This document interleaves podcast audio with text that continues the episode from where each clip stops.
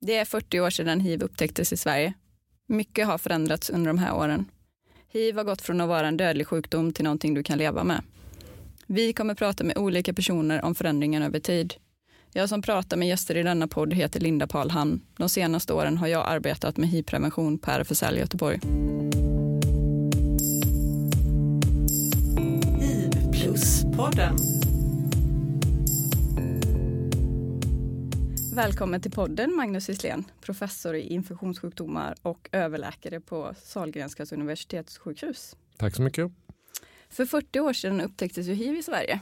Minns du när du hörde talas om hiv första gången?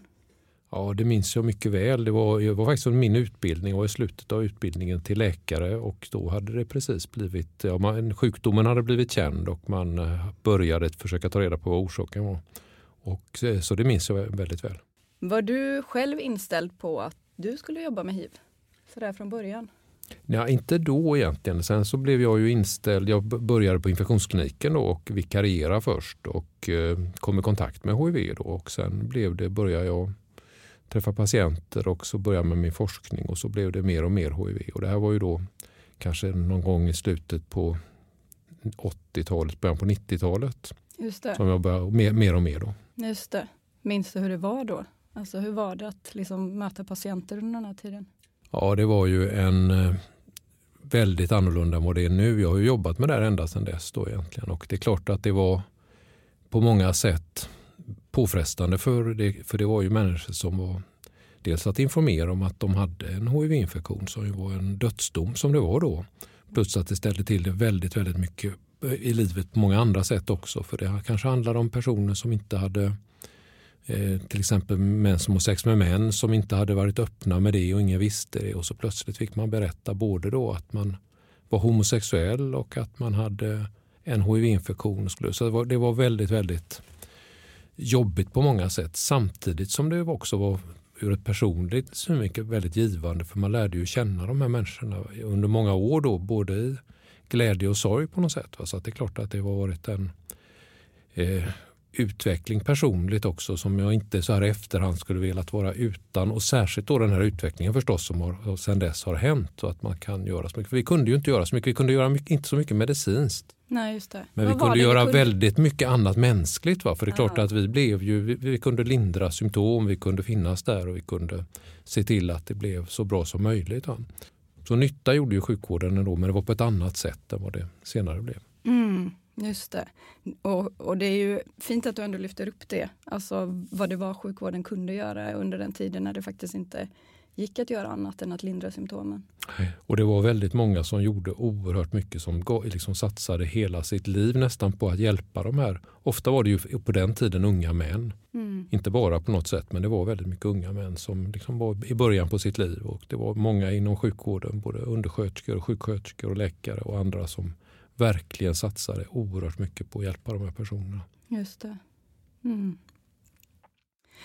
Du berättade ju också att du väldigt tidigt intresserade dig för hiv och behandling. Att liksom börja forska på detta. Vill du berätta lite om, om det? Ja, från början när jag började så hade vi ingen, det fanns ju inga mediciner som kunde bromsa sjukdomen. Vi kunde behandla de infektioner man fick delvis och så hade man liksom, kunde man förlänga det friska livet lite grann. va. Men det var ju bara en temporär förbättring. Då. Sen kom ju det första läkemedlet som vi gav en del hopp. Och det hade var ett läkemedel som hade funnits på hyllorna hos läkemedelsbolagen. Då, så det här AZT eller Sidovedin och Retrovir. Och det gav ju, gav ju från början en, en viss, ett visst hopp men sen så kom studierna då som visade att det här effekten hade var väldigt kortvarig och det liksom blev, var inte absolut inte någon botemedel på något sätt. Eh, Men sen, och det är klart med tiden sen så, så blev det, det här är ju en, egentligen en fantastisk utveckling om man nu ska se det tillbaka. Att då blev det en forskning och vi fick fler och fler läkemedel och till slut så kunde vi ju ge flera läkemedel med och också då kunna få en sån enorm effekt. Så jag kommer ihåg första gången man såg och hörde om de resultaten när man då kombinerade tre olika läkemedel. Just det. När var detta? Jag bara, Det var för att- 1900, ja, egentligen det var i slutet på 1995, 1996 var det som vi fick, de blev tillgängliga läkemedlen. Då. Just det. Eh, och det var ju som en, eh, en fantastisk upplevelse att få se, bara få se resultaten från studien, studierna och se att plötsligt så kunde vi faktiskt ha en effekt med behandling. Innan dess var det en oerhört stor pessimism och många trodde ju att vi kommer aldrig hitta en behandling mot det här viruset. Vi kommer inte klara av att behandla det. Och sen plötsligt fanns det där och det var ju, tittar man sen då när man behandlade patienter, då hade vi flera som var de var i princip döende. De låg och, och, hade vi inte fått medicinerna så hade de varit döda inom någon vecka. Men sen plötsligt kunde man vända då det här. Och i princip så att man stod, kunde stå upp från sängen och gå hem så småningom. Och det var ju helt otroligt. Mm. Det är ju verkligen fantastiskt. Alltså, jag, jag tänker på den här tiden när, när ni började med kombinationsbehandlingen. Alltså hur, hur lång tid tog det innan liksom fler fick tillgång till den här medicinen? Alltså vilka var det som fick det precis i början? Nu, nu berättar du för mig att det var att det var de absolut mest sjuka som fick det först. Men, mm. men hur var processen?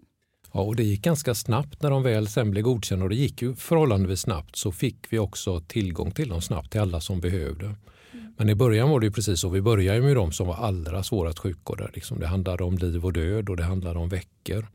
Men då successivt så gav vi fler och fler och det var ju i början de som var sjuka eller de som hade ett väldigt dåligt immunförsvar. Vi gav ju inte på den tiden alla behandling.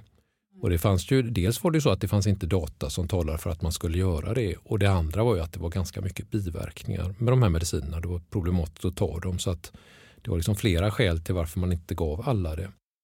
Eh, utan det var de som var svårast sjuka som fick det. Och där var det ju, det, det var så oerhört tydligt vilka, att det var, verkligen var livräddande. För vi hade ju innan sett att alla våra patienter nästan dog ju. Jag menar, vi följde dem och så blev de sämre och sämre och så dog de. Och sen plötsligt nu så var, var förloppet inte sådant. Mm. Så, så är det enormt eh, en förmån att få lov att uppleva det där. Det helt, var egentligen helt fantastiskt. Man fått göra det under sin yrkeskarriär. Ja, men det kan jag verkligen förstå. Och jag tänker lite på hur, hur det förändrade Alltså jag menar, vi kan, vi kan ju absolut förstå vad du säger kring att liksom det här förändrades liksom från att vara en dödsdom till att människor faktiskt kunde leva. Men hur var det för patienterna? Alltså förutom det uppenbara. Men... Ja, nej, det, det är intressant det där. För det är klart att för många, det, det, tar ju en tid innan man ändrar det. Man har ställt sig in, man har fått en diagnos, man har accepterat så småningom den diagnosen. Man har accepterat, nu har jag en begränsad tid att leva, jag kommer nog dö ung. Och sen plötsligt så ställs det där på ända att man tänker, men det, det kanske inte blir så. Och för många var ju det förstås ett oerhört glädjande i princip för alla. Men det kunde vara en process i det där också att man fick ställa om sitt liv. Det, för att kunna acceptera att nu blir det inte så som vi faktiskt har planerat. För en del hade ju planerat för det. Man hade slutat jobba och man hade rest mycket. Man hade liksom det här, använda sina pengar och sånt. Och sen plötsligt så skulle man inte göra det. Det, det, det är klart det blir ju väldigt, väldigt positivt men omställningen där kunde faktiskt vara lite besvärlig för vissa patienter. Sen ska man också komma ihåg att i början var ju behandlingen ganska besvärlig eller väldigt besvärlig. Det, blev, det var ofta det man behövde ta många tabletter många gånger på dagen. Eh, och var, vissa tabletter skulle tas med mat och andra skulle tas utan mat. Så det blev liksom nästan ett, vad ska man säga, ett helt projekt att hålla igång sin medicinering. Man fick inte missa doser. Det får man inte nu heller men det är så oerhört mycket enklare att, att ta tabletterna som det är nu. Eh, så att det var, och mycket biverkningar från början. Då, så att, och dessutom så utvecklades resistens. Så att det var inte så att det var löst direkt. Då. Vi räddade livet på väldigt många men det var fortfarande så att en del gick det dåligt för. Man fick resistens och det funkade inte. Och det, var en, ja, det var en utmaning och ganska komplicerat att få till en bra behandling där under de första åren. Ja. Om du nu tänker tillbaka så här många år senare. Tänker du att ni hade kunnat göra någonting annorlunda då? Eh, det kan man alltid göra men samtidigt så är jag egentligen väldigt stolt över hur HIV-vården har fungerat i Sverige både innan vi hade bra behandling och sen efter. Eh, vi har eh, i landet, och det beror förstås också på att vi inte haft så enormt mycket patienter jämfört med vissa andra länder. Det blir väldigt mycket svårare att kunna förstås upprätthålla en hög kvalitet på vården. Men sen vi fick medicinen också så har vi sett till här att vi ska ha, och vi har haft det som målsättning att vi ska ha en, eh, en vård när det gäller medicinsk vård som är världsklass. Och det har vi haft sedan dess. Vi har haft extremt bra resultat på behandling. Vi har haft väldigt välutbildad personal. Det gäller både läkare men det gäller också de som är väldigt viktiga i det här. Det är kuratorer, det är sjuksköterskor som liksom följer patienterna. Så vi har försökt bygga upp en välfungerande vård runt patienterna och jag tycker det har lyckats oerhört bra. Dessutom att det är likvärdigt i hela landet. Vi är ett stort land, vi har många kliniker men vi har sett till att man har samma typ av vård och lika hög kvalitet överallt. Så jag tycker det har fungerat jättebra. Sen finns det alltid saker man kan göra annorlunda när man har varit efter. Men i det stora hela så är jag oerhört nöjd med hur det här har fungerat. Vi har ju pratat en del om hur kombinationsbehandlingen och liksom hur den faktiskt förändrade livet för människor som lever med hiv. Men jag skulle också vilja flytta fram oss lite i historien eh, och prata om omätbara virusnivåer. Det har ju varit en milstolpe verkligen för hiv-communityt. Eh, vill du berätta lite om vad det innebär? Ja, verkligen. Och där är ju det, vi, det var en annan sån. Medicinerna var en sak. Det andra stora genombrottet handlar ju om att vi fick möjlighet att kunna mäta. Vi fick metoder att mäta hur mycket virus man har. Innan hade det varit lite grann i blindo, att man visste inte hur mycket virus det fanns. För att man fick gå på andra saker, hur dåligt är immunförsvaret till exempel. Eh, men när vi kunde mäta det och fick metoder att mäta ner till väldigt låga virusnivåer och man då kunde se att personer som gick ner under en viss gräns alltså hade icke mätbara, sen beror ju på den, det finns, det finns ju alltid virus och har man tillräckligt känsliga metoder så hittar man virus. Men när man lägger någon slags då gräns så att man inte kan mäta under den gränsen så visar det sig att de som kommer ner under det här då är det ingen risk att man utvecklar resistens. Det finns ingen, vi vet att behandlingen kommer fungera så länge man tar den fungera i, i princip för alltid. Sen kan det finnas andra orsaker till att det inte fungerar men, men behandlingen är så effektiv så att det, det, finns ingen risk att viruset kan liksom smita ur greppet och kunna eh, bilda resistens så att den inte ska, medicinen inte ska fungera. Så det är den ena aspekten på det som, är, som var jätteviktig och som gjorde att vi kunde på något sätt med ett Eh, med säga till patienten att den behandlingen du har den kommer att fortsätta att fungera så länge du tar den. Det kommer inte vara så att den slutar fungera efter ett tag. Det visste vi inte i början heller. Mm. Sen det andra som kom långt senare det var ju när vi fick, fick liksom data på det att Eh, det, till och med är så att viruset är så lågt och så bra nedtryckt att det inte finns någon risk att man smittar någon annan. Och Den kunskapen har ju varit extremt viktig för eh, jättemånga patienter. Eh, och det handlar ju mycket bara det om vetskap. Många gick omkring och var väldigt rädda att man skulle smitta. Man skyddade sig på alla möjliga sätt. Skyddade för att smitta andra. Sin familj eller andra när man hade sex med någon. Och sånt. Så det liksom satte ner kvaliteten på livet därför man var så rädd att smitta andra. När man då fick så oerhört tydliga data som vi har på att det finns ingen risk om man har ett nedtryckt virus även om man har oskyddat sex. Eller det finns, vi har alltid vetat att det finns ingen risk i liksom ett hushålls, hushåll eller med vanliga kontakter och sånt. Men det har ändå varit patienter som varit rädda för att smitta på det sättet. Men när vi har de här väldigt tydliga data så har ju det faktiskt ändrat livet för många. Att man kan slappna av, man kan förstå att jag är inte smittsam och det har varit oerhört värdefullt. Under 2019 så gick Folkhälsomyndigheten ut och eh, sa precis detta som ja. du pratar om. Alltså att man fastställde att om man har en välinställd behandling och man har omätbara virusnivåer så kan man inte föra över det till någon annan sexuellt. Um, vad tänker du, alltså du har varit inne lite på det, men, men vad tänker du att det ger till personer som faktiskt lever med hiv? Eh, nej, men jag tror det, det, det har gett, som sagt jättemycket och då inte bara till de som har liksom har nya partners eller så. För där är det uppenbart att det är klart att det är väldigt skönt att veta att man inte smittar, att det inte är någon risk och att man inte heller behöver berätta. Eh, man behöver inte använda kondom. Det är klart att det har varit väldigt skönt för många. Men det gäller även de som har levt i en fast relation där den partnern har varit fullt medveten om hiv-infektionen. Man, man, man, har varit liksom rädd att smitta sin partner.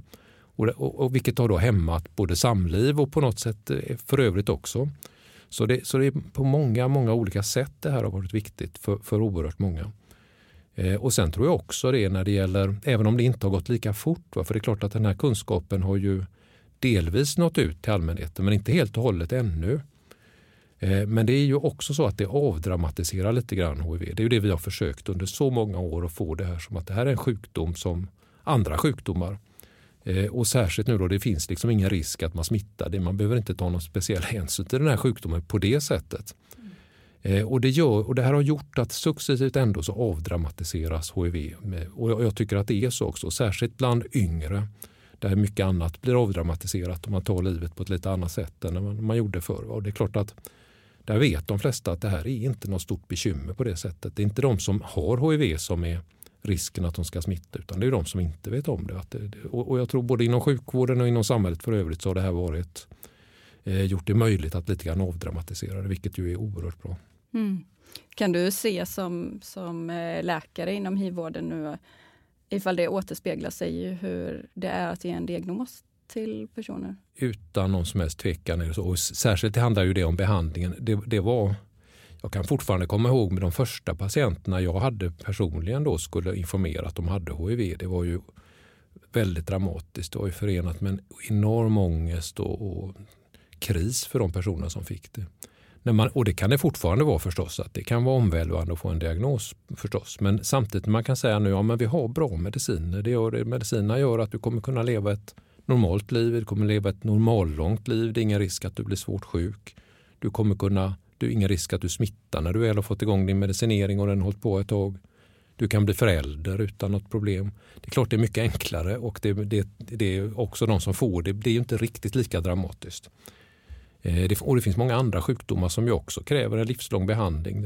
Jag menar, diabetes eller vad, vad som helst. Va? Så att det, det, är inte så stor skillnad från andra sjukdomar på det sättet nu. Då. Nej. Och det är ju fantastiskt, tänker jag, det skiftet som du pratar om. Att, att den här kunskapen om omätbara virusnivåer faktiskt har gjort så stor skillnad så att det också spelar roll i den stunden när man får en diagnos. Så inte bara för personer som redan lever med hiv. Ehm. Absolut, och, det, och där är, man får ju säga det där är ju anledningen till att vi har de här resultaten är ju att man har gjort väldigt bra studier. Och där får vi tacka våra, vårt grannland Danmark för det är ju på CHIP i Danmark i Köpenhamn och, och Jens Lundgren som har gjort väldigt många stora fina studier som har kunnat visa bland annat det då att man inte är smittsam vid oskyddad sex när man har HIV som är välbehandlad. Utan de studierna hade vi kunnat gissa att det är så men vi hade inte riktigt vetat. Så att när man har bra vetenskapliga studier som grund det gör ju det att man kan säga saker och ting säkert. Och det är också det som har gjort också förstås att riktlinjer och sånt har ändrats därför att man har en gedigen vetenskaplig grund att stå på. Mm. Jag tänker att du eh, refererar till partnerstudierna. Precis, ja. det gör jag. Ja. Jag minns själv när jag var på världshivskonferensen och hörde dem presentera partnerstudien 2. Just det. Som innebär att eh, då hade man tittat på, på par som där den ena personen lever med hiv och den andra personen lever inte med hiv. Och så har, man, så har de fått eh, liksom fylla i hur ofta de har sex och hur ofta de, vilken typ av sex de har. Och, eh, ja, och, och allting handlar då om liksom oskyddat sex. Och sen så, så mätte man före och efter eh, hur många då som hade fått hiv av de som var hiv-negativa partners under tiden. Och ingen Precis. hade fått. Mm. Och då i den här studien som, som var så fantastisk var en, en, en uppföljande studie egentligen för att det var fler bögpar som var Precis med i denna så. studien. Och från början så hade man gjort en studie som, som handlade om flest heterosexuella par. Mm. Och det fanns en, en del som var, var homosexuella också, men det var, man behövde många fler för att säkert kunna säga i den gruppen att det gällde där också. För annars hade det blivit en kritik. Ja, men vi vet det för de här, men vi vet inte när det gäller homosexuella. Men då fick man alla data och eh, då föll på något sätt hela det här på plats. Mm. Så väldigt bra studier som gjordes, eller bra studier som gjordes där. Mm, ja, det var fantastiskt och det var ett sånt enormt jubel på mm. världshivskonferensen när detta det. presenterades. Mm. Eh, år 2020 fick långverkande hiv-behandling klartecken. Kan du berätta lite om vad det innebär? Ja, där är det och vi har ju varit med i studier här i Göteborg och i, i Sverige och även i Göteborg där vi har behandlat patienter med långverkande läkemedel. Och det, finns, det här är ju en utveckling för det finns ju en del personer som gärna skulle vilja ha behandling som man inte tar varje dag. Som det är nu behöver man ju ta tabletterna varje dag, oftast bara en gång per dag men ändå man måste ta dem varje dag och man får inte missa. Och för en del personer kan det vara ja, besvärligt helt enkelt. Man, det är lätt att glömma och man blir påmind om sin infektion. Och det, det, det, finns olika skäl till varför det kan vara jobbigt. Och därför utvecklar ju läkemedelsbolagen nu liksom läkemedel som har längre verkan.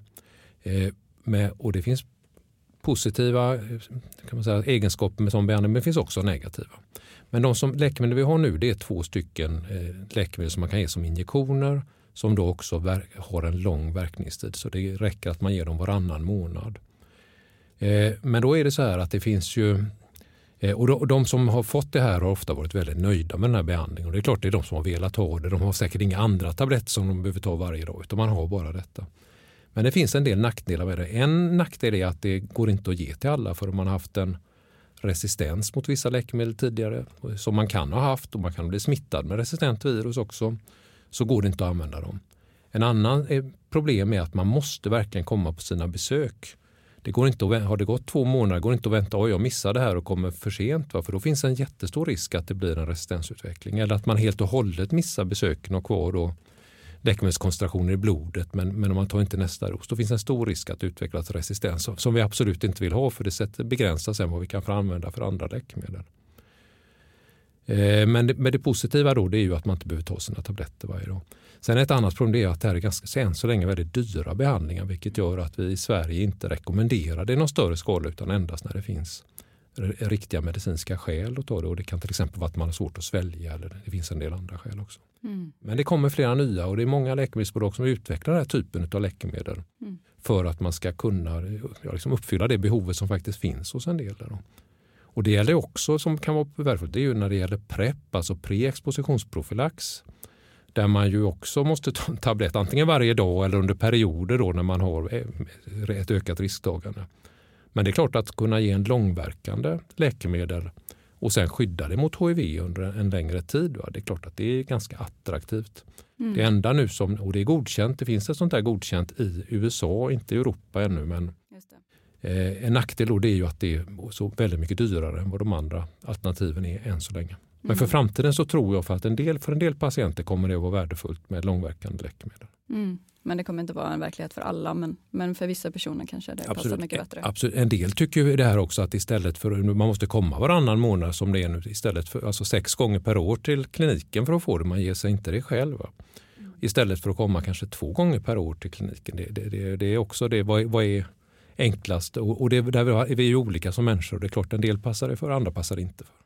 Och det är på något sätt är ju också en, verkligen en medicinsk framgång att det nu kan finnas fler alternativ för personer. Så att inte Absolut. alla måste göra samma sak. Och, och, jag tänker lite på vad du pratade om precis i början. Att, att det var så väldigt mycket mediciner och det var ganska krävande att komma ihåg precis hur man skulle ta dem för att vissa var med mat och vissa var utan och liksom hela den karusellen till att nu kanske faktiskt kunna ha fler valmöjligheter som person som lever med hiv. Absolut, dels det och sen, eh, tänk på när du säger det också, vi har ju fått väldigt, väldigt många olika läkemedel med små skillnader. Men fördelen med det, det är att det är näst, vi har nästan inga patienter alls i Sverige. Det, det, är oerhört få där vi inte har några bra alternativ att liksom kombinera olika läkemedel. För, för ett problem med det här, vi har varit inne på det tidigare med virus, det är att det, det utvecklar väldigt lätt resistens mot läkemedel. Att de inte fungerar läkemedlen om man inte tar dem regelbundet. Det kan ha varit, varit, man har varit väldigt länge och varit med när man hade liksom en dålig behandling innan vi hade bra behandling och då man har resistens. Men vi har så många olika läkemedel vi kan kombinera på olika sätt så att det finns nästan ingen som inte kan ge en bra behandling. Och Det är också fantastiskt för det, det är mm. liksom, det, läkemedelsutvecklingen har varit så, inte bara under den första tiden utan även fortsättningsvis då, väldigt, väldigt framgångsrik. Med mm. nya läkemedelsklasser, med nya läkemedel inom de här klasserna biverkningar blir färre och färre. Så att, så att det har varit en, en fantastisk utveckling.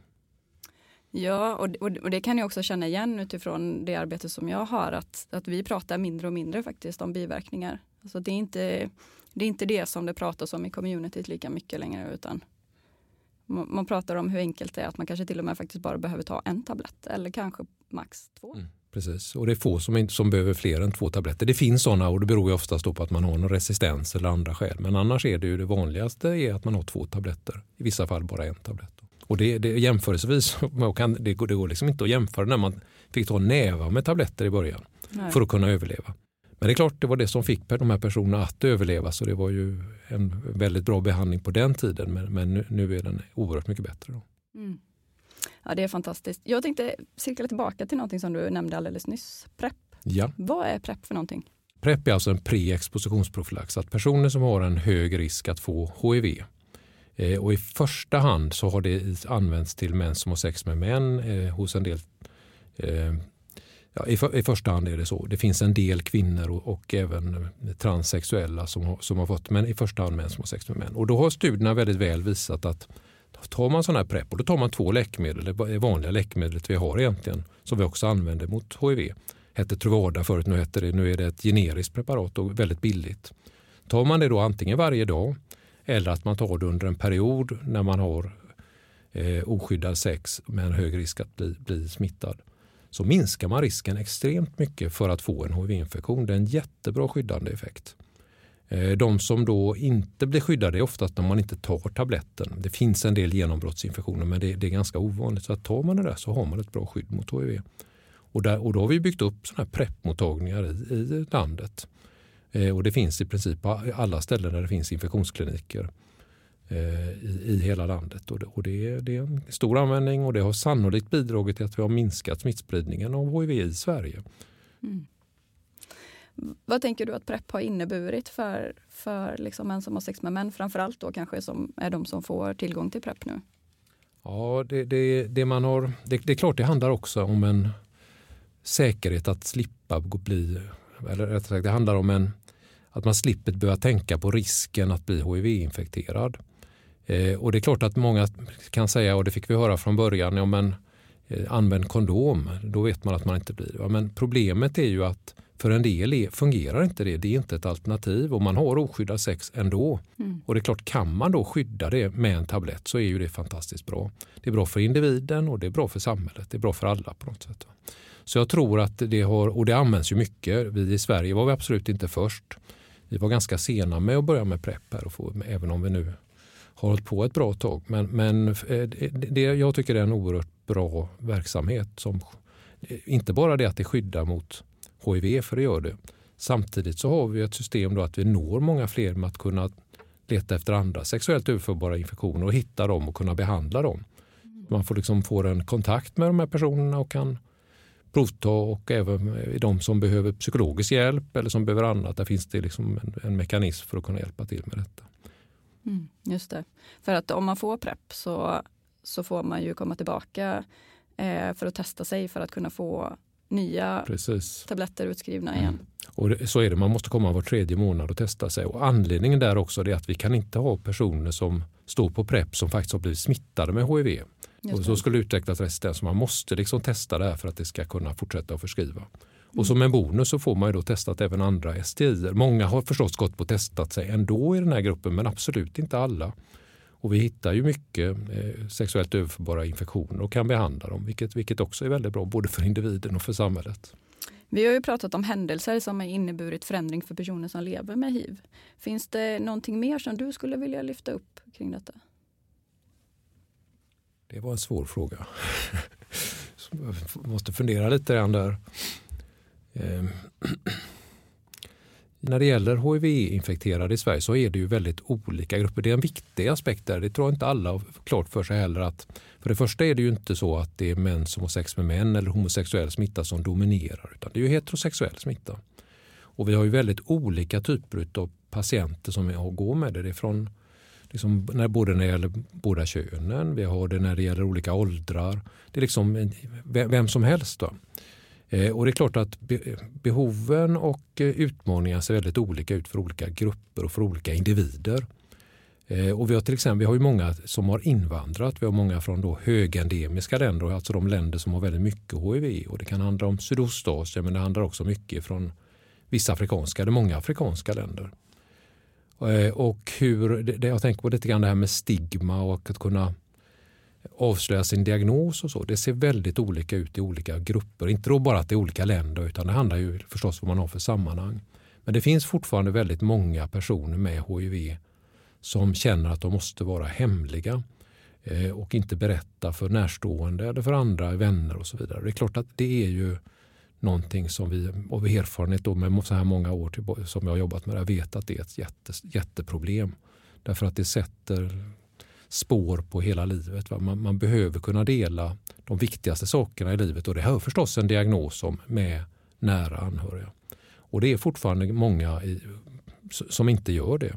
Vilket är, vilket är ett stort bekymmer då, tycker mm. jag. Mm. Finns det, jag antar att ni inom, på infektionskliniken ändå försöker jobba med den här frågan. Alltså, har du ja, något exempel på absolut. hur ni gör det? det? Det gör vi samtidigt som vi, man måste ju vi försöker stötta så mycket, som vi, så, så mycket det går. Vi har ju ett team runt varje patient. Varje patient har sin egen doktor, sin egen sjuksköterska och sin egen kurator. Och det tror, det tror jag har varit ett framgångsrecept också för, för, totalt sett i Sverige. Att man har det här teamet. Man möter inte olika personer varje gång. Man har alltid någon man kan ringa. Liksom det är väldigt, väldigt tillgängligt. Men samtidigt så måste vi ju på något sätt vi respekterar ju förstås om det är någon som inte vill berätta det. Och det kan ju finnas väldigt goda skäl. Vi har ju sett liksom exempel där det har gått väldigt fel när man har berättat också. Man har blivit utstött i vissa sammanhang. Man kan ha blivit utstött ur sin familj.